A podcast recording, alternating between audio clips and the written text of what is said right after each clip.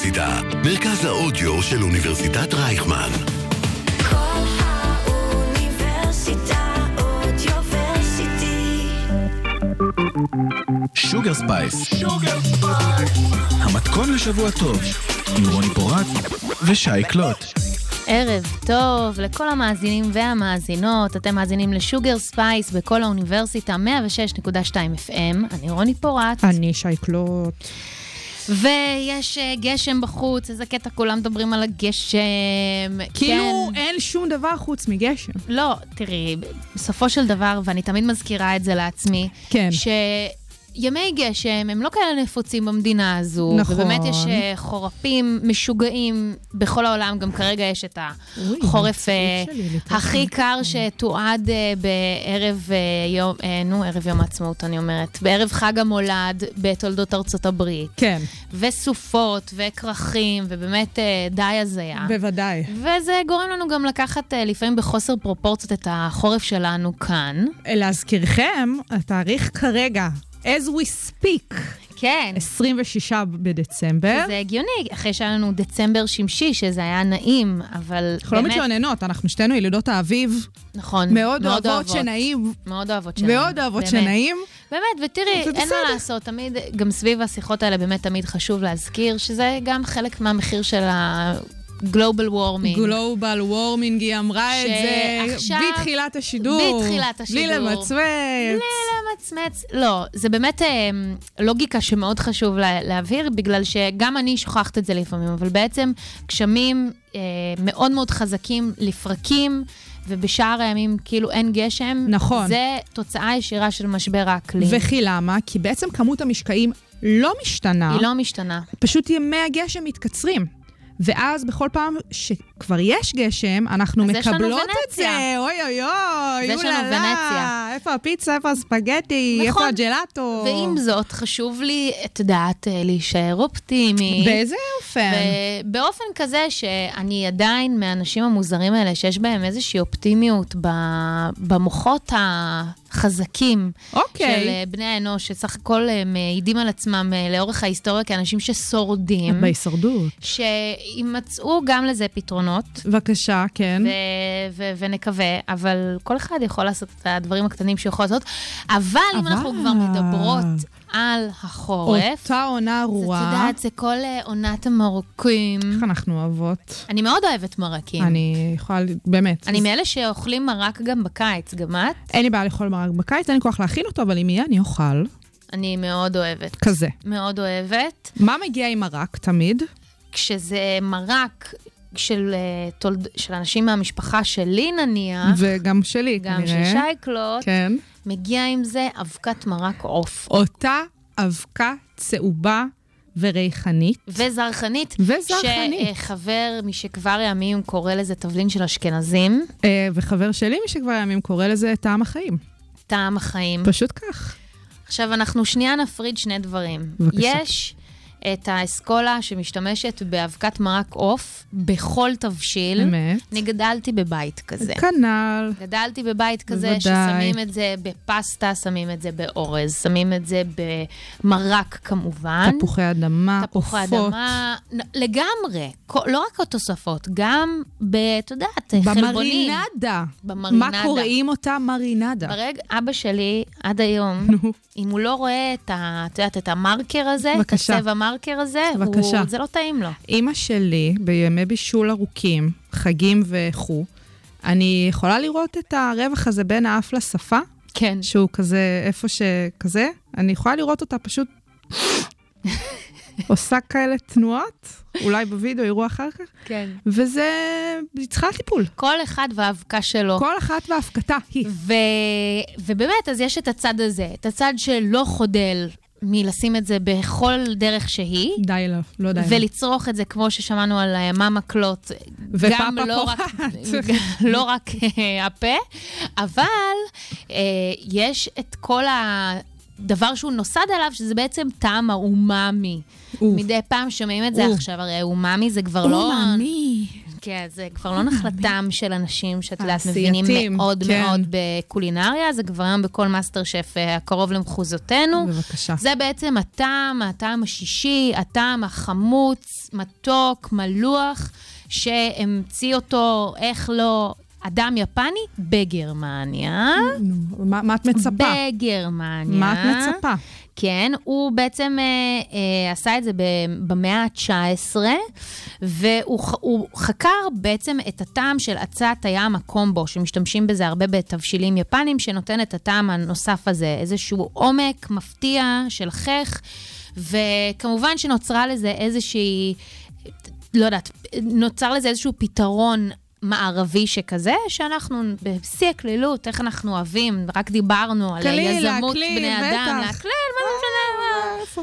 אז פשוט מוסיפים, את יודעת, איזה חצי כפית, איזה כפית למתקדמים, והנה יש לנו טעם אומאמי.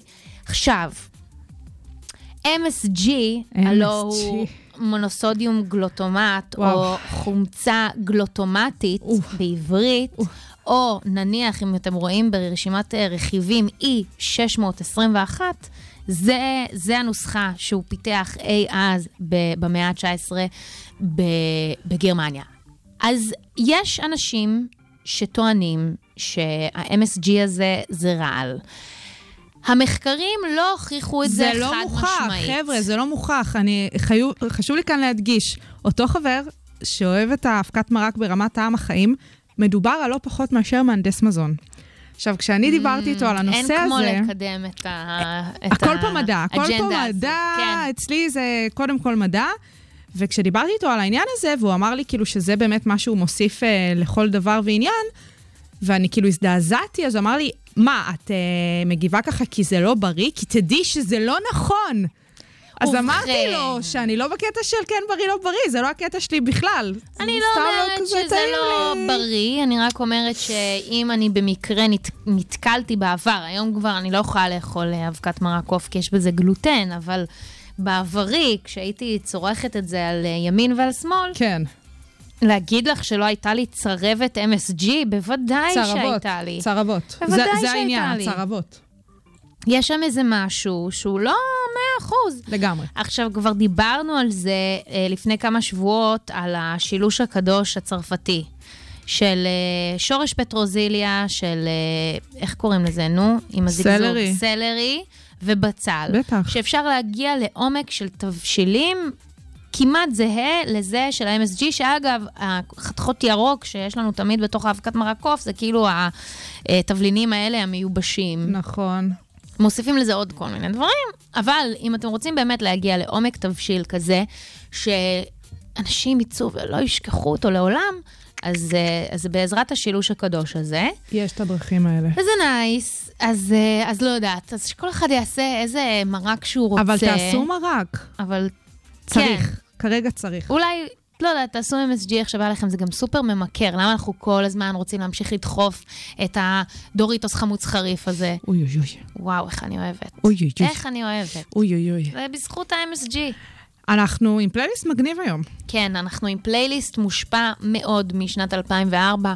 יכול להיות מושפע מאיזה טיק טוק שככה הזכיר לי. אה, חזרת את- לטיקטוק ידה, נחמד. כן, חזרתי, ביליתי השבוע קצת בטיקטוק, ו... כולנו... אני עוקבת אחרי זה, שני זוג די-ג'אים שהם כזה, הם עושים כל מיני מיקסים מגניבים. מיקסים, זה מאשאפים וזה. פלייליסט מ-2004, כשאני הייתי בת 11 ושי קלוט הייתה בת 9, ו... יש גילאים טובים מזה. וואו, אין גילאים טובים יאללה, מזה. אנחנו כולנו יוצאים נשכרים מהטיקטוק של רוני. שוגר ספייס. המתכון לשבוע טוב, עם רוני פורט ושי קלוט. מאוד דאפט פאנקי. מאוד דאפט פאנקי. תרימו, כי אין לנו מה לחשוש. שומעת מה קורה ביום חמישי? אה, יום חמישי יש את המצעד. המצעד השנתי הבינלאומי, כאן ברדיו הבינתחומי, רוני ואני נהיה איתכם כאן משעה ארבע בלייב, אבל זה לא הדבר היחידי שקורה ביום לא, חמישי הקרוב. לא, מה עוד קורה ביום חמישי? משהו- זה הסופה של הסילבסטר. שומעת כמעט as big as זה. כמעט כמעט. As big as זה. כמעט. אמ, את יודעת מה קורה, את חיכית לזה. אני לא יודעת. כל יום אני תולש מן הלוח דף. אה, יום חמישי הזה מה קורה? נשבעת הממשלה החדשה יא, מזל טוב. בשעה טובה. מזל טוב. בשעה טובה. את לא, את לא מצפה בקוצר רוח למאורע? לא, את, את לא? אני לא. את לא כזה... למה? לא. Uh, השבוע האחרון כן. היה, סליחה, בואי נתחיל ביום שישי. בשישי. בשישי אני נחשפתי לרשימות שנדב אייל מידיעות אחרונות אה, פרסם בטור, בטור שלו בסוף השבוע בידיעות אחרונות, שזה בעצם רשימות משנת 2019 של אנשי תקשורת כן. מובילים. אה, שבין השאר הם חלק מהקהילה הלהטב"קית, חלק אה, הושחרו, חלק מי לא. יצר את הרשימה הזאת? מי יצר את הרשימה הזו? מפלגת נועם. שוב, מ-2019, זאת אומרת, כבר אז, אני זוכרת שגם אז זאת הייתה אחת החשיפה בנוגע לזה, כן. אבל עכשיו זה שוב נחשף מחדש בפני הציבור. וקודם כל, הדבר הראשון שעבר לי בראש זה למה אני לא חלק מהרשימה הזו. איך הם לא הכניסו את איך? כל האוניברסיטה? את, בתור מישהי שהיא תומכת בקהילה, אולי אמנם לא חלק ממנה, אבל זה? תומכת נלהבת של הקהילה. מה לא זה? חלק ממנה. אני בהלם. אפילו גם שקלתי להעלות סטורי, אבל בקצרה, מישהו תפס אותי חופר, לא העליתי את זה בסוף, גם אני התבאסתי. רציתי להעלות כזה, ושתינו כי פספסנו אז את ראיתי זה. את כל האנשים האלה באים ומעלים. וממש אה, זה. עכשיו, כל מה, בכל צעד כזה, עולים לי הקולות שאמרו לי, עזבי, אל תדאגי, יהיה בסדר. שבי עזבי, אל בשקט, תדאגי, יהיה בסדר. זה לא יהיה כזה אביב. גרוע. עכשיו תראו, האם הממשלה הזו תשנה חוקים מפה ועד להודעה החדשה? אני לא. מבחינתי, עצם, אני לא, אני לא חושבת, אני גם לא יודעת, שוב, אבל מבחינתי, עצם זה שאנחנו מתחילים לדבר על הדברים האלה באופן אה, יומיומי, על האם זה בסדר שמישהו ימנע ממישהו שירות מסוים, או לא, בגלל מה שהוא עושה בבית שלו. עכשיו, אני לא נגד, נניח, תצני את זה, אתם לא צריכים את המצעדים האלה, כל אחד עושה משהו לא, לא בבית קשור, שלו. זה לא מה אבל שאנחנו באמת, בדברים האלה זה נראה לי באמת חסר גבול, וכשמישהי כמו אורית סטרוק אומרת שלרופא יהיה את האופציה לבחור אם לטפל במטופל מסוים וללכת נגד שבועת הסוקרטיס, שהיא אמורה להיות מעל הכל, אז לא, זה לא בא לי בטוב בשום היפוקרטיס. צור. היפוקרטיס. זה ממש לא. אז שנייה, בואו נעשה סדר בעובדות. כן. כי לצורך העניין, את אמרת, את לא יודעת אם כן יעבירו חוקים, לא יעבירו חוקים. נכון לעכשיו, על פי מה שנחשף כחלק מההסכמים הקואליציוניים של uh, הממשלה המתהווה, שכמו שאמרנו, היא תוש... uh, הולכת uh, להישבע ביום חמישי, אז כחלק מאותם סעיפים שאמורים להיכנס להסכמים הקואליציוניים, כן יש סעיף שמגיע מהצד של הציונות הדתית אה, ועוצמה יהודית ומפלגת נועם, שכמובן רצו תחת אה, רשימה משותפת, אבל מדובר על שלוש מפלגות שונות. חלק מהדבר זה הסיפור הזה של הסעיף שיאפשר לבעלי עסקים למנוע שירות בשל אמונה דתית, זה בדיוק מה שהתייחסת אליו לאורית סטרוק. חשוב לציין שחוץ מחברת הכנסת סטרוק, יש לנו גם את חבר הכנסת שמחה רוטמן, שממש נשאל באופן מפורש בתוכנית של קלמן ליברמן ברשת ב' בנוגע לעניין הזה. אה, והשאלה ששאלו אותו זה, רגע, אתה חושב שנגיד בעל מלון לא ייתן שירות אה, לזוג הומואים? והוא אמר, כן, יענו זכותו, חירותו, זה הקניין שלו, וזכות הקניין היא כזאת, וחירותו היא כזאת, ואם על פי אמונתו אה, הוא לא רוצה להעניק את השירות הזה, הוא לא יעניק את השירות הזה, זה חלק מהחוק שרוצים להעביר במסגרת אותם הסכמים קואליציוניים. עכשיו תראי, יש אי אלו קולות שמדברים על כך שמצד הליכוד, שבואו נזכיר, די בסמוך לפרסום תוצאות האמת, היה להם נורא חשוב, לביבי בעצמו ממש צייץ את זה בטוויטר שלו, העניין הזה שהוא-הוא ידאג לשימור הסטטוס קוו בכל הקשור לקהילה הגאה, ושזה לא ייפגע, וטטטי וטטטה. שמעי, שזה שהוא קורא לעניין הזה סטטוס קוו בפני עצמו, זה, זה פשטונה בתחתון, כן? אבל זה כבר דיון אה, ליום אחר. העניין הוא שעל פניו, הם מכניסים איזשהו סעיף להסכם מתהווה, ומר בנימין נתניהו, ראש הממשלה שמכהן בתפקיד ראש הממשלה, הזמן הארוך את ה- ביותר בתולדות מדינת ישראל, בא ואומר להם, אני לא הולך לכבד את ההסכם הזה, את הסעיף הזה בהסכם הזה. שאת אומרת לעצמך, מה קורה פה? מה מצב החלטורה? מה, כאילו, הם יכולים לבוא ולהכניס איזה סעיפים שבא להם, שאת יכולה לבוא וכן להתווכח על הרלוונטיות שלהם, או באמת אפקטיביות שלהם, או מה שזה לא יהיה, והוא בא ואומר להם, אני לא אעשה את זה, אז כאילו, למה זה קורה? מה, אנחנו תמימות? אנחנו לא מבינות שעצם זה שהם באים ושותלים את זה כראיון. באמת, זרע ששותלים באדמה ומשקים אותו כמו שצריך, ושמים לו את הקומפוסט כמו שצריך, והקרני אור השמש באות כמו שצריך, זה קרקע פוריה להתהוות של רעיונות ותפיסות שהן הרבה יותר גדולות מחוקים שיעברו או לא יעברו. נכון. כי עצם השיח הזה מאשרר את הלגיטימציה, את זה. מנרמל את השיח ואת דה-הלגיטימציה. וזה לא רק לקהילה כזאת או אחרת, זה כבר הופך את השיח הזה של דה-לגיטימציה ללגיטימי, בלי קשר לאוכלוסייה שאליה מכווינים את השיח הזה. וזה מה שכל כך מרתיח ומפחיד. זה רסמי מפחיד. ואנחנו כל הזמן חוברים, חוזרות ואומרות את זה, וגם אנשי הקהילה חוזרים ואומרים את זה. אתם עכשיו נוגעים במחוזותינו.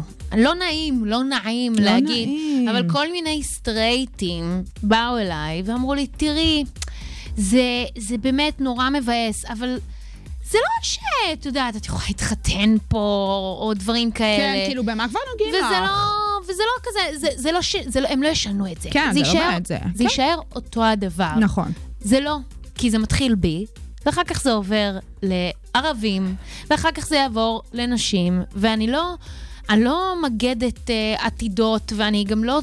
ה vibe שלי הוא לא אה, פסימי, בסדר? אני תמיד רוצה להאמין שאנשים, בעיקר אם נבחרים, אה, מגיעים עם איזושהי תחושת אחריות כלפי הכלל. חד משמעית. אבל זה אותו ביבי שהכשיר את מפלגת נועם, זה אותו ביבי שדחף שמפלגת נועם ייכנסו ביחד או. בן גביר. אחלה. אני אומרת על הקיצוני של הקיצוני של הקיצוני, אני כבר לא יודעת, יודעת, אני כבר לא יודעת להבדיל בין אחד לשני. ובמרכאות אני אומרת את זה, אני גם לא מתכוונת להבדיל בין אחד לשני, כי מבחינתי זה אותו הדבר, ואנחנו מדברים ספציפית על הנושא הזה, מדובר בכנראה כמה אלפי קולות. כמה אלפי קולות, אגב, שהוכיחו את עצמם שביבי היה צריך אותם. נכון. והוא היה מוכן לקבל את זה. וזה מעציב אותי ברמות. זה כבר לא קשור לפרסונליות, אם הוא כן ראש הממשלה או לא ראש הממשלה. עצם זה שאנשים כאלה נמצאים בממשלה הקרובה, זה קשה. אני מסתובבת עם תחושות מאוד קשות בימים האחרונים. ש... ושאלו אותי היום בעבודה, מה, חשבנו שתבואי הרבה יותר uh, חריפה על הנושא. אני לא יכולה להסביר לכם את התחושות הקשות שמלוות אותי בימים האחרונים. אני יכולה להתייחס לזה בהלצה ולהגיד איך אני לא מופיעה ברשימה הזו, אבל במציאות, איזה מפחיד זה להיות ברשימה הזו. זה פחד אלוהים, ובאמת שזה כל כך מגוחך, ואני חושבת שדווקא משהו שקרה ממש לאחרונה, מתקשר לכל הנושאים האלה בבת אחת. בסוף חודש אוקטובר אה, יצאה פסיקה של בית המשפט השלום בבאר שבע, בדיוק בנושא הזה. עכשיו, הסיפור הזה מחזק עוד יותר כמה המהלכים שהמפלגות האלה מנסות לעשות, גם בהקשר של אפליה, אבל גם בהקשר של החלשת בתי המשפט במדינת ישראל. אה, זה באמת באמת מסוכן, ויצאה פסיקה של בית משפט אה, השלום בבאר שבע בהקשר לאפליה של להט"בים, בדיוק בנושאים האלה, בית דפוס של חרדים שלא רצה להעניק שירות לאחד מארגוני הלהט"ב בעיר, שרצו לפרסם ולהדפיס באותו בית דפוס איזשהו פוסטר בנוגע לאחד מהאירועים של, אותה, של אותו ארגון להט"בי, ואותו בעל עסק אה, סירב להדפיס להם את הפוסטר מתוך הסיפור הזה של להעניק שירות והכל.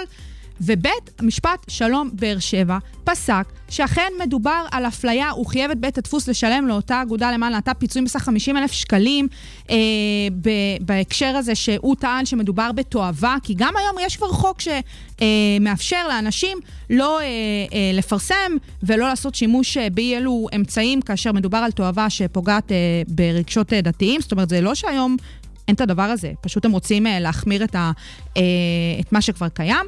עכשיו, המשמעות היא שבזכות אותה פסיקת בית משפט, עסק המסרב להעניק שירות לארגון בגלל אופיו הלהט"בי עשוי להיות מחויב בתשלום פיצוי, גם אם לאותו ארגון לא נגרם נזק.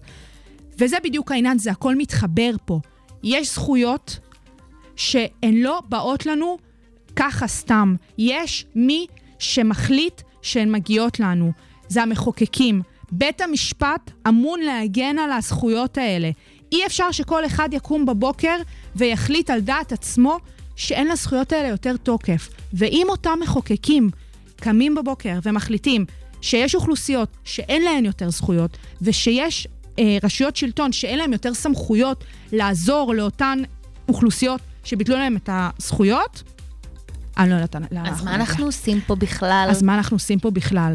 מנסות לשמוע מוזיקה טובה, נכון. כדי להעביר את הזמן. אנחנו נרים על אפכם ועל חמתכם. ועל חמתכם. אה, ואנחנו מאוד מקוות שעוד ארבע שנים נוכל להצביע פעם נוספת, ובמהלך הזמן הזה באמת... לא, אה, מה עוד ארבע שנים? שייקלוט, בואי חכי, לפני, בואי חכי. נקווה שזה יקרה בוא, לפני. בואי נלך לפי, קודם כל, החוק, ואז לפי המציאות. אז קודם כל שהחוק יתממש לפי מה שהוא קיים. כי, כי ככה, כי לפחות זה... ככה אני אומרת, אנחנו בוא, בואי, בואי לשם, חוק. בואי לשם נלך. עכשיו רגע, בואי אני אבחר את אחד השירים. לא יודעת מה שמתי, ונשמע אותו כחלק מפלייליסט 2004. מעולה. החזק ביותר.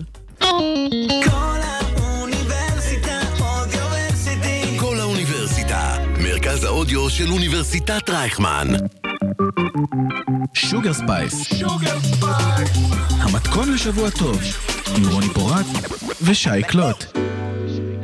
אז אני כל הזמן חושבת, כן. איך אנחנו יכולות אה, דווקא להעניק אופטימיות, נכון? אפשר. ניסינו, ממש בסוף האייטם, ממש שאלנו, איך נעניק אופטימיות. אז הנה, בואי נעשה את זה. היא כזו. בואי ניתן. התשובה היא כזו. בבקשה. אה, במקרה, זה שוטטתי לי ככה בוויקיפדיה. מומלץ מאוד. ונתקלתי בערך אה, על שם אה, קלרה ברטון, קלריסה קלרה הרלו ברטון. ואני נכנסתי ברמות לתוך הערך שלה וקראתי על סיפור חייה הבאמת מטורף.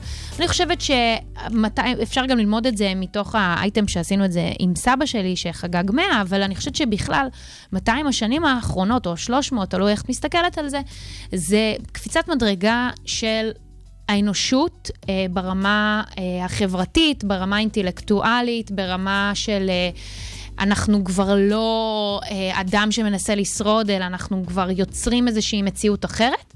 ואפשר לשאוף המון המון השראה מכל מיני אנשים בהיסטוריה, אבל הפעם אנחנו נתמקד בה. יאללה, תני לנו על קלרה. אז קלרה, ככה, רק להתחלה, אני יכולה לספר לכם אה, על ציטוט אה, שמאוד מאוד ידוע שמיוחס לה, שהיא אמרה שאני אני מוכנה לעיתים ל- ללמד בחינם, והיא לימדה הרבה בהרבה מאוד תחומים, אך לעולם לא אסכים לבצע עבודה שגברים, שגברים מבצעים בשכר נמוך מזה שמשולם להם. Drop the mic. עכשיו, מדובר על מישהי שנולדה בשנת 1810, אה, סליחה, ו-20, ונפטרה בשנת 1910. חבר'ה, לא תגידו מישהי היום- שנפטרה ב-1989. היום בחורות בתל אביב לא מדברות כמוה, לולי. נכון. היום, לא, כי אנחנו היום. לוקחות את זה קצת כמובן מאליו. עזבי שטויות. אבל אפשר לקחת באמת את המשפט הזה ולייחס אותו להרבה מאוד אה, מקרים ודוגמאות כאלה ואחרות ולהתאים אותם לחיים של היום. הסיפור של קלרה, בקצרה, הוא שהיא אישה שנולדה במסצ'וסטס, בארצות הברית, של אה, ערב אה, מלחמת האזרחים. אמנם זה כמה שנים אחר כך, אבל בכל מקרה... נורא הושפע. אה, כל המחיה שלה נורא הושפעה מהסיפור הזה. מאוד, והיא הייתה בחורה נמוכת קומה, והיא קיבלה הרבה מאוד הערות על זה מהמשפחה שלה ומהסביבה שלה, וגם ייחסו לה כל מיני תכונות של ביישנות יתר, וניסו בכל מיני דרכים מוזרות שמאוד מתאימות לתקופה, אה, לנסות ולשנות את זה בעצם זה ששלחו אותה לפנימייה וכל מיני דברים כאלה, אבל דרך הקושי הזה, קלרה מצאה את הקול שלה. היא מצאה את עצמה בגיל 17 מחפשת מקצוע בעזרת, בעזרת ובעידוד המשפחה שלה, והיא הפכה להיות מורה בגיל 17, והיא יישמה שם את השיטה שלה, דרך זה שהיא למדה איך להתמודד עם בני דודים שלה. ותוך 18 שנים היא מצאה את עצמה מקימה, מייסדת ומגייסת את הכסף לבית הספר הפרטי הראשון ב... אה, ל- ציבורי. הציבורי, כן, כן, כן, אני מנסה לחפש את השם של, ה, אה, של העיירה הזו בניו ג'רזי, תכף נגיע לשם. בכל מקרה, זה בית הספר הפרטי הראשון, שהוא, אה, הציבורי הראשון שהוקם שם. ובהתחלה משישה תלמידים זה הלך וצמח וגדל לארבעת אלפים תלמידים, עד שנחשימה, אחרי שהיא השקיעה את כל חייה וייסדה את אה, יכולות הלימוד שלה, מה קרה? בבקשה. הביאו גבר שיעשה את התפקיד שלה, שהיא כבר. עושה, שהיא עושה, והוא הוכח שהיא עושה אותו נהדר, שילמו לו יותר, הורידו אותו בדרגה, וביומנים שהיא כותבת, היא מספרת שזה זה גרם לה באמת לשברון לב, ורצון לעזוב את המקצוע. היא עזבה את המקצוע בערך, לא בדיוק, היא המשיכה להיות מורה בכל מיני דרכים בכל חייה, והיא נדדה, ככה בשנות ה-50 של אה, שנת 1800, 1850, לוושינגטון הבירה כדי למצוא עבודה. דרך, מה לעשות, כולם צריכים קצת אה, ויטמין P, דרך איזה בן דוד רחוק שלה. היא מצאה את עצמה עובדת במשרד הפטנטים האמריקאי. כל כך הרשימה את מי שהיה אז רשם הפטנטים, שהוא החליט לשלם לה, בדיוק כמו שכל הגברים שילמו להם באותה תקופה, 1,400 דולרים, שזה המון. המון. גם המון. 1,400 של אז, זה לא 1,400 הרבה של יותר היום. מהיום, אבל זה המון גם היום. אחלה של כסף לאישה רווקה באותן שנים. בדיוק. ומסיבות כאלה ואחרות אה, שמו אותה במשרד נפרד, כי גם כל הזמן הטרידו אותה מינית, אה, ודברים של התקופה, וגם העיפו אותה באיזשהו שלב, בגלל שעלו קולות שמרניים. אגב, אתם יודעים איך זה עובד עד היום, פוליטיקה, פעם שמרנים, פחות שמרנים. אבל בסופו של דבר, את הרקורד, את הניסיון שלה, אי אפשר לקחת ממנה. אני שנייה רוצה להיתקע על זה. קלרה הייתה מבין הנשים הראשונות שקיבלה אה, משרה פדרלית בארצות הברית, על אחת כמה וכמה, כנראה אולי הראשונה שקיבלה שכר כמו של גבר. ואם יש משהו שאנחנו לומדים עד כה בחייה, בש... עד שנות 40, כמעט 50 שלה, זה שלא משנה לאן היא בחרה ללכת, ותחשבי שזה מאוד מתאים גם להיום, השינוי קריירה הזה. זה לא ממש. התאים לאז. השינוי קריירה הזה מאוד מתאים לימינו אנו. והיא לא נתנה לאף אחת מהמשוכות שבדרך לעצור אותה, והיא תמיד ראתה את טובתה, אבל גם את טובת הכלל, והיא הבינה גם שלמעשים שלה, לאופן שבו היא בוחרת להתנהל, יש לזה השפעה גם על אחרים. וזה מאוד מאוד מתקשר לזמן שאנחנו נמצאים בו היום. אחר כך התחילה מלחמה. היא נשלחה לחזית מה מרצון. שנקרא שיטס הפן. שיטס הפן. והיא פשוט החליטה ללכת לחזית. אני באמת לא אתחיל לספר לכם על איזה קרבות היא הייתה ומה היא עשתה ואיך היא הביאה את העזרה אה, ראשונה וגם לא ראשונה אל אה, החיילים הפצועים, אבל היא עשתה שינוי מטורף בגישה של אה, נתינת אה, עזרה, אה, של אה, עזרה ראשונה בקרב. וגם בעצם הקימה במסגרת הדבר הזה. נכון מאוד, ואחרי, בואי נגיד, שש שנים שבהן היא גם הייתה בקרב וגם לאחר שהמלחמה אה, הסתיימה, מלחמת האזרחים האמריקאית הסתיימה, הרבה מאוד אה, משפחות פנו אל, המס, אל המשרדים הממשלתיים של ארה"ב בניסיון למצוא את האהובים שלהם. היא הלכה בעצמה, הלכה ואיתרה גופות ורישומים כדי לתת את המענה הזה למשפחות האלה, את הסגירת מעגל, ובעקבות כל מה שהיא למדה בשלב הזה, יש לנו שינוי קריירה מספר שלוש. מה זה? מספר שלוש. מה זה? בעשר שנים, בעזרת כל מיני קשרים שהיא יצרה לעצמה בארצות הברית ובאירופה, היא החליטה שהיא לא משנה, מה שנקרא, לא משנה בדין, או, היא תקים את uh, הצלב האדום האמריקאי. אז היא בעצם המייסדת של הצלב האדום האמריקאי. שזה בפני עצמו כאילו די מוטרף מטורף. לחלוטין. היא עמדה שם אה, 15 שנים, גם שם היא לימדה אנשים מה זו עזרה ראשונה. היא גרמה בעצם לחלחול של עזרה ראשונה ולמהות שלה בכל מקום ואיך שזה עובר, עוזר לאסונות בזמן אמת.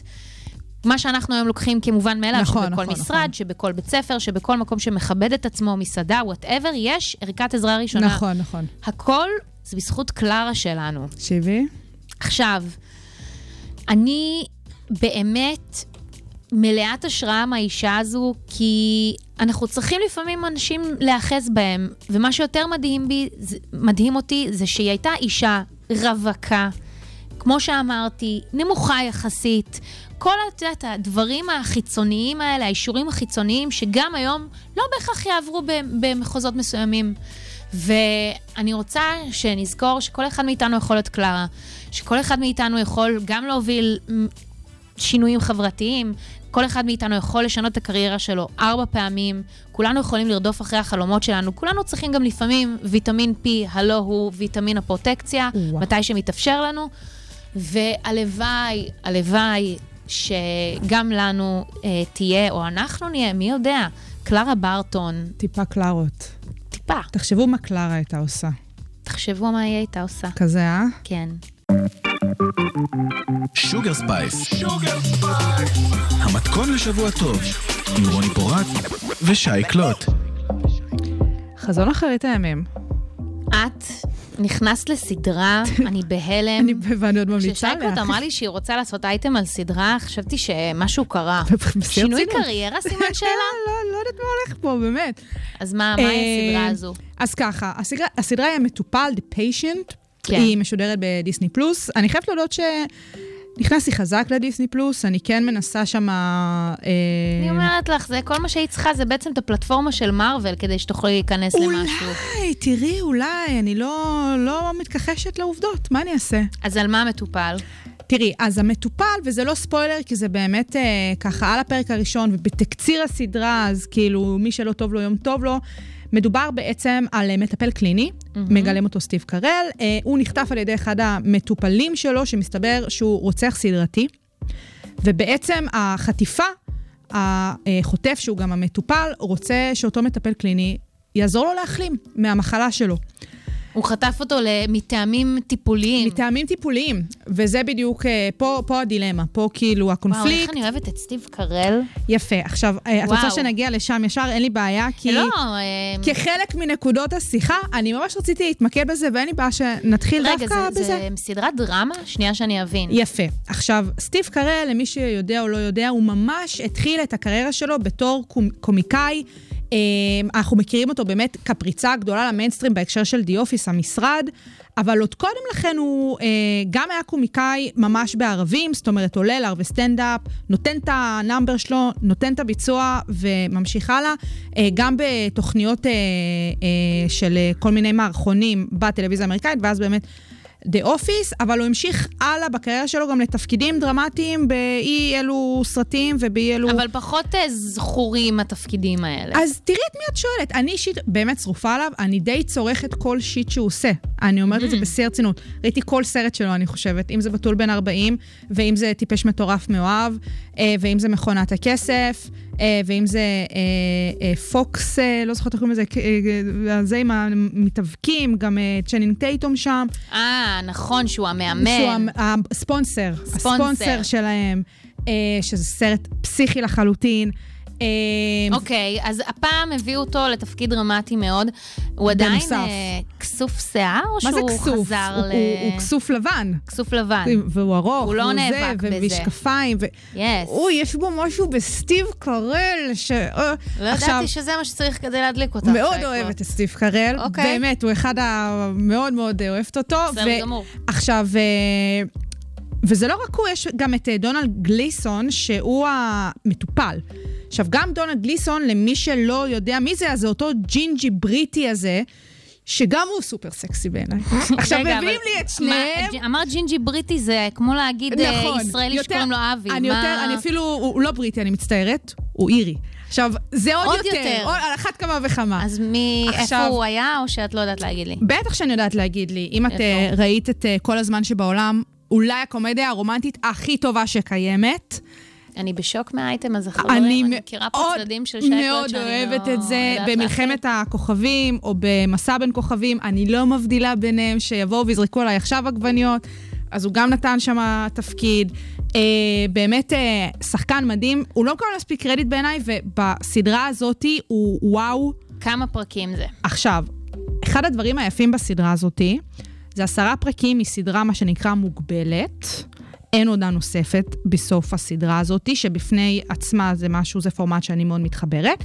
יותר מכך, עשרה פרקים, שעד הפרק החמישי, עד האמצע, כל פרק הוא פחות מחצי שעה, ומפרק באמת חמש... תפור למידותייך. עד פרק 10 זה באזור החצי שעה, זה כזה 32-34 דקות כזה. עכשיו, כשאני פתחתי הם ככה... מתחו את הגבול שלך, ממש, זה- כן. כשאני פתחתי את הסדרה בפעם הראשונה, ובאמת עשיתי את הסקירה הזאת של כמה פרקים, ועורכי פרק וזה, אני רואה 22 דקות. אני כזה, מה? מה זה? איזה כיף לי. כאילו, מדהים. היה ממש כיף. עכשיו, אני כן רוצה להתעכב על הנקודה הזאת. אני חושבת שאנשים שמתעלמים מהעובדה הזאת, שבשביל סיפור טוב לא צריך למשוך את הקץ, לא מבינים מה זה תוכן. אה, תראי, את נכנסת פה כבר לכמעט פילוסופיית. התסריטאות. אין לי בעיה. אי אפשר, אני לא חושבת ש... ברור שאם לא הצלחת להעביר תוכן, נניח, סיפור. בחצי שנה... נקרא לזה אוקיי, סיפור, לא תוכן. אוקיי, סיפור בחצי שעה, כנראה שהוא לא טוב מספיק. מצד שני, יש אפקט ומשמעות ל... לא יודעת, שיחות צד שגורמות לך להפוך את העלילה לעגולה יותר, או אפילו רגעים אומנותיים שאין להם הצדקה ממשית בתסריט. מסכימה איתך, מסכימה איתך, ועדיין, התחושה שלי, ובגלל זה אני גם... ובכלל לא נגענו בעניין המסחרי. לא, ברור, זה בסדר, זה איכס, ו- ואת יודעת, אנחנו לא איך תמימות. עושים כסף? אוקיי, אנחנו לא חלק תמימות. מהדיון אבל, לא? אנחנו לא תמימות וזה שם. בעיניי פשוט, בטח כשפלטפורמות הבינג', אה, כאילו, זה הסטנדרט היום, זה כן נותן איזושהי אפשרות לשחק קצת עם אורכי פרקים, וזה לא קורה מספיק. זאת אומרת, במקום שמישהו יבוא וינסה להמציא את הגלגל מהבחינה הזאת של לבוא ולתת כאן את הקצרים האלה, לא עושים את זה, ובעיניי כן, יש בזה איזה לקיחת סיכון, וכן, יש בזה איזו אמירה. ועשו את זה בסדרה הזאת, וזה, מה זה עובד, זה מה זה בא לזכות התוכן, באמת, הסדרה הזאת והסיפור פה מסופר בצורה מרתקת. ונקודה חשובה בנוגע לעלילה. אה, העניין הזה, תראי, יש את שתי נקודות בעצם. יש קודם כל את ההיבט הזה של השאלה הפילוסופית. האם באמת אנשים שעושים מעשים פליליים תחת מעטה של מחלת נפש, מתמודדי נפש, איך צריך, אה, איך צריך להתמודד איתם? מה צריך לעשות עם אנשים כאלה? איך המערכת צריכה באמת לבוא ולהחליט מה עושים עם הדבר הזה? והסדרה הזאת היא באמת נוגעת בדילמה הזאת לאורך כל הפרקים. זאת אומרת, זה באמת הדבר, זה הדבר. זה מרתק לראות. פה מדובר על רוצח אה, סדרתי, הוא מה שנקרא פסיכופת. מי שלא יודע, פסיכות, פסיכוזה זאת ממש מחלת נפש, אז הוא ממש פסיכופת. אבל יש, אה, את יודעת, יש מחלות נפש אחרות. יש פדופיליה, אה, אותו, אה, אותה מחלת מין שמתקשרת אה, למשיכה לילדים. אה, זאת מחלת נפש. איך מתמודדים עם זה? זאת גם מחלת נפש, וזה גם סעיף זה. בחוק העונשין. נכון, אנחנו דיברנו על זה בהרבה הקשרים, אה, לזה שהמענה הנפשי שניתן לאנשים כיום, איך שאנחנו מכירים את זה ברמה הממסדית, לא השתנה. נכון. אם בכלל. נכון. אה, אנחנו היום מכירים, בלי קשר, אם אנחנו מגדירים את זה כמחלה, עוד הרבה מאוד תופעות שתופסות הרבה אנשים במהלך החיים, שצריך לדעת איך להתמודד איתן. לגמרי. ואני שמחה, אני שמחה הסדרה שיש הזאת את זה. ממש נוגעת בזה ברגישות לא נורמלית, ותראו את הסדרה כדי להבין מה קורה שם. אני רוצה. ועוד נקודה, שזה כאילו, את אה, מתחילה את הסדרה ואת לא מבינה שזה הולך לשם בכלל, אבל כאילו זה מתחיל, לא זוכרת אם כבר בפרק הראשון או בפרק השני, הזווית היהודית. סטיב קרל, או. הוא לא יהודי, הוא משחק, הוא, הוא תמיד משחק יהודי, אבל... הוא משחק שם אה, אה, פסיכולוג קליני יהודי, מזן יהודי, אה, שזה בפני עצמו, את יודעת, אה, כפיים להוליווד, שהם אה, הרשו לעצמם ללהק לא יהודי לתפקיד של יהודי. בתור יהודייה אני מאשרת. בתור יהודייה אני מאשרת, קיבלתם את האישור שלי. מעבר לזה שהוא עובר יהודי מעולה, לאן שהם לקחו את הזווית היהודית בסיפור הזה, ובאמת גם בסיפור האישי של אה, אה, המטפל, שקניה לא ישמע אותך, כי הרי כולם שם יהודים. אז, אז שישמע. גם איך שהם לקחו את הזה, אבל גם הסיפור היהודי פה, שמה שהם החליטו לדבר עליו, אני חייבת להודות שאני לא בטוחה אם מישהו לא יהודי מבין עד הסוף את המשמעות של הזווית היהודית בסדרה. שזה עניין. אני גם ניסיתי כזה לעשות ריסרצ' כאילו באנגלית, לראות באמת ביקורות וכאלה, ומה... לא כל כך התייחסו לזה, נראה לי שקצת בקטע של PC, כאילו לא רצו לגעת. יכול להיות. אבל בעיניי מי שלא יהודי לא מקבל את הזווית היהודית, מה שנקרא במלוא עוצמתה, ואני משערת לעצמי שרוב הצופים של הסדרה הזאת הם לא יהודים. אה, אבל זה מעניין, אנחנו זכינו, כאילו, אנחנו בתור יהודים. יכולים לראות את הסדרה הזאת ובאמת לקבל פה איזה עוד מימד שהוא מרתק, מרתק להבין אותו. אז אה, זה ככה מבחינתי הסדרה. אז יאללה, תראו, באמת, המטופל, דיסני פלוס. באמת תרוצו לראות, כי זאת אחלה של סדרה. אה, וסטיב קרל, מה נעשה איתו? לא יודעת, שימשיכו ללהק אותו לתפקידים גאוניים. יאללה, בסדר גמור. שוגר ספייס. המתכון לשבוע טוב, עם רוני פורט ושי קלוט. אנחנו פה, אנחנו כאן. אנחנו כאן. אה, תראי, בשבועות האחרונים מדברים המון המון המון המון, עוד פעם, פעם נוספת, זה בא והולך ובא והולך ובא והולך, ועוד פעם מדברים על הסיפור הזה של התחנה המרכזית בדרום תל אביב. היית שם פעם? בטח שהייתי. מה את אומרת? גועל נפש של מקום. לא אוהבת. לא. לא מחבבת. לא מתחברת. לא, לא לא, לא. אוכלת את זה, יפה שלי. לא אוכלת את זה יפה. אני אגיד לך יותר מזה, זה. בכל פעם שאני רואה, שאני רוצה לקחת איזשהו אוטובוס, שאני רואה שאני צריכה לעשות שם החלפה, לא יעזור בית דין. לא תעלי. אני לא אעלה. עכשיו, העניין עם התחנה הזאת, שאנחנו יושבות כאן בשנת 2022. אגב, דווקא, סליחה, כן, סליחה, אה, כל, ה... כל הסיורים האלה, יפה, כן. באזורים שבהם, את יודעת, בשנות ה-70 זה היה אמור להיות כזה סוג של קניון כן. vibe דיזינגוף סנטר, והיום זה נשאר נטוש ודברים מאוד אינסטגרמים ויפים, זה דווקא עניין אותי לראות. וגם, אגב, הסיורי אוכל שיש שם גם מעניינים אותי, אבל אני לא יכולה להתנתק מהגועל נפש של המקום. זה לא סתם לא גועל נפש, אנחנו כאילו... זה גם מ- זיהום אוויר. זה זיהום אוויר, וזה באמת מפגע תברואתי מהמעלה הראשונה. ואני שגם חושבת... מפתח סביבו, אין מה לעשות, בגלל כל האזורים החשוכים שלו. פשיעה. זה ואקום, זה ואקום. Yeah. עכשיו, כשמדברים על התחנה המרכזית, ומדברים על זה גם בהקשרים של היום, באמת על העניינים האלה של זיהום, תברואה, פשיעה, אה, אה, אי תחזוק וכל הדברים המגעילים האלה שמגיעים סביבו, אה, ובו אפשר לדבר גם בקלות על הטרדות מיניות וכאלה שאת עוברת שם בתור נוסעת שלוקחת אוטובוסים מהמסופים, אז כשעשיתי את התחקיר לדבר הזה, אני נכנסתי לצד אחר לגמרי של הסיפור, מהבחינה ההיסטורית של המקום, וגיליתי, שלא בהפתעתי, שכל המקום הזה נולד בחטא, אבל רסמי נולד בחטא. ברמה של שיטת שקשוקה ישראלית פר אקסלנס. אני לא יכולה להסביר לכם כמה הדבר הזה, פשוט במידה מסוימת, הסיפור של התחנה המרכזית משקף באיזשהו אופן את הישראליות, במובן הרע שלה, לא במובן הטוב שלה. וואלה, יש בישראליות ובישראל צדדים, בלי עין הרע, וטפו טפו, וכולנו אוהבים, וכולנו מכירים וכולנו מוקירים.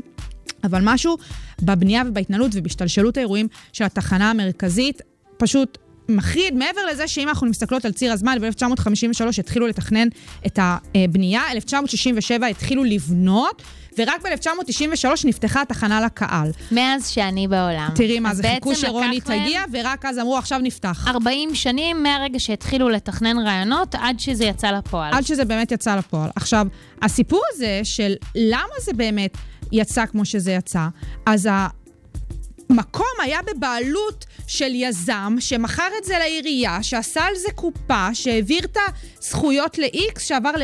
משהו מזוויע. היום, מי שבאמת אה, נמצא במוקד של הדבר הזה, אה, זה, זה באמת... משרד התחבורה ועיריית תל אביב. אה, ולא רק, גם באמת ברמת היזמים הפרטיים, יש באמת אנשים שהם נמצאים במוקד, והם מנהלים את כל הדבר הזה בצורה מחפירה. כמובן, לוקחים שכר מאוד גבוה לעסקים שם, כי הם רוצים כאילו להפריש אותם משם ולדאוג לאינטרסים שלהם, מה שגורם בין היתר לרמת תחזוק סופר ירודה אם בכלל במקום. אה, ומעבר לזה שכל ההתנהלות שם זה, אתה יודע, את האחריות שכל גוף מעביר מהאחד לשני, משרד התחבורה לעירייה, למשרד אה, להגנת הסביבה.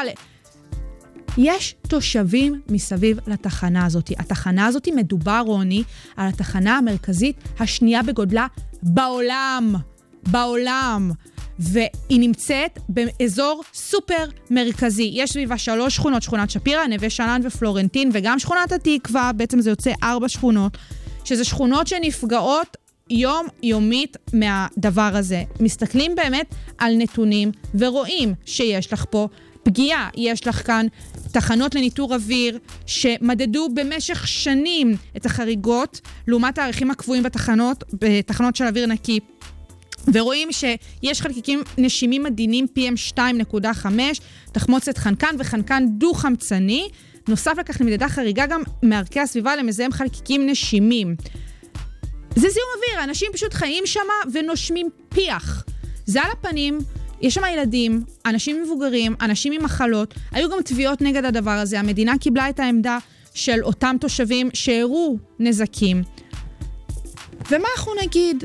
אז עכשיו הייתה איזושהי פסיקה של בית משפט שאמר לעירייה ולמשרד התחבורה, כן, אתם צריכים uh, לפנות את המקום, ומדברים באמת על פינוי, ואם פינוי אז לאיפה, ואם איפה אז מתי. כולנו יודעים שזה לא יקרה.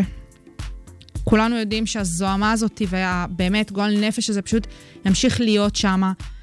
שלא נדבר כאילו באמת על הדבר הבסיסי של מקור תחבורתי שאמור לתת את השירות הזה לתושבים. זה הקטע הכי מדהים בהקשר של התחנה המרכזית. כן, אף אחד לא בכלל מדבר מדברים על זה. הרמת אפficiency, ממש. יעילות של המקום, ממש. שהיא לא יעילה, יש שם איזה ארבע קומות שאף אחד לא משתמש בהן. סגור, כי הן פשוט מזוהמות מדי, אסור אי להיכנס אפשר, אליהן. אסור, אסור להיכנס. אז משתמשים בשתיים האלה בשביל כל מיני אוטובוסים שלא עוברים וכל מיני תאי שירותים שצריך לשלם כסף בשבילם. לא, לא, זה מחריד. אני באמת נגד הדבר, נגד, מה אני אעשה? אנחנו בעד לפנות את זה יפה שעה אחת קודם.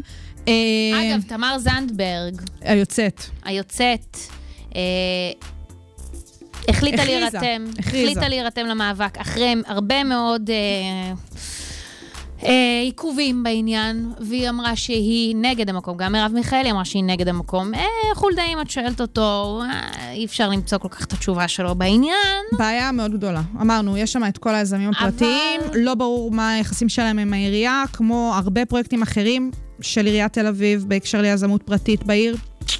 מאוד בעייתי, מאוד אנחנו בעייתי. נמשיך לעקוב. אנחנו נמשיך אז לעקוב. תודה רבה שהאזנתם לשוגר ספייס בכל האוניברסיטה,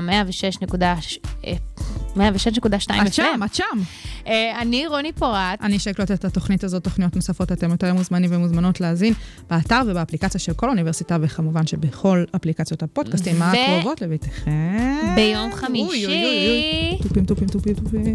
המצעד השנתי של קול האוניברסיטה, של כל השירים הכי מדליקים שאתם בחרתם. יש מי שיזכו בפרסים שווים ומדליקים מקומיים ובינלאומיים, שווה להאזין live, זה לא יעלה אחר כך לפלטפורמות, אז אל תהיו עצלנים. ושיר, נסיים בשיר, שייקלוט. You don't know me. קדימה. כזה, יאללה, יאללה.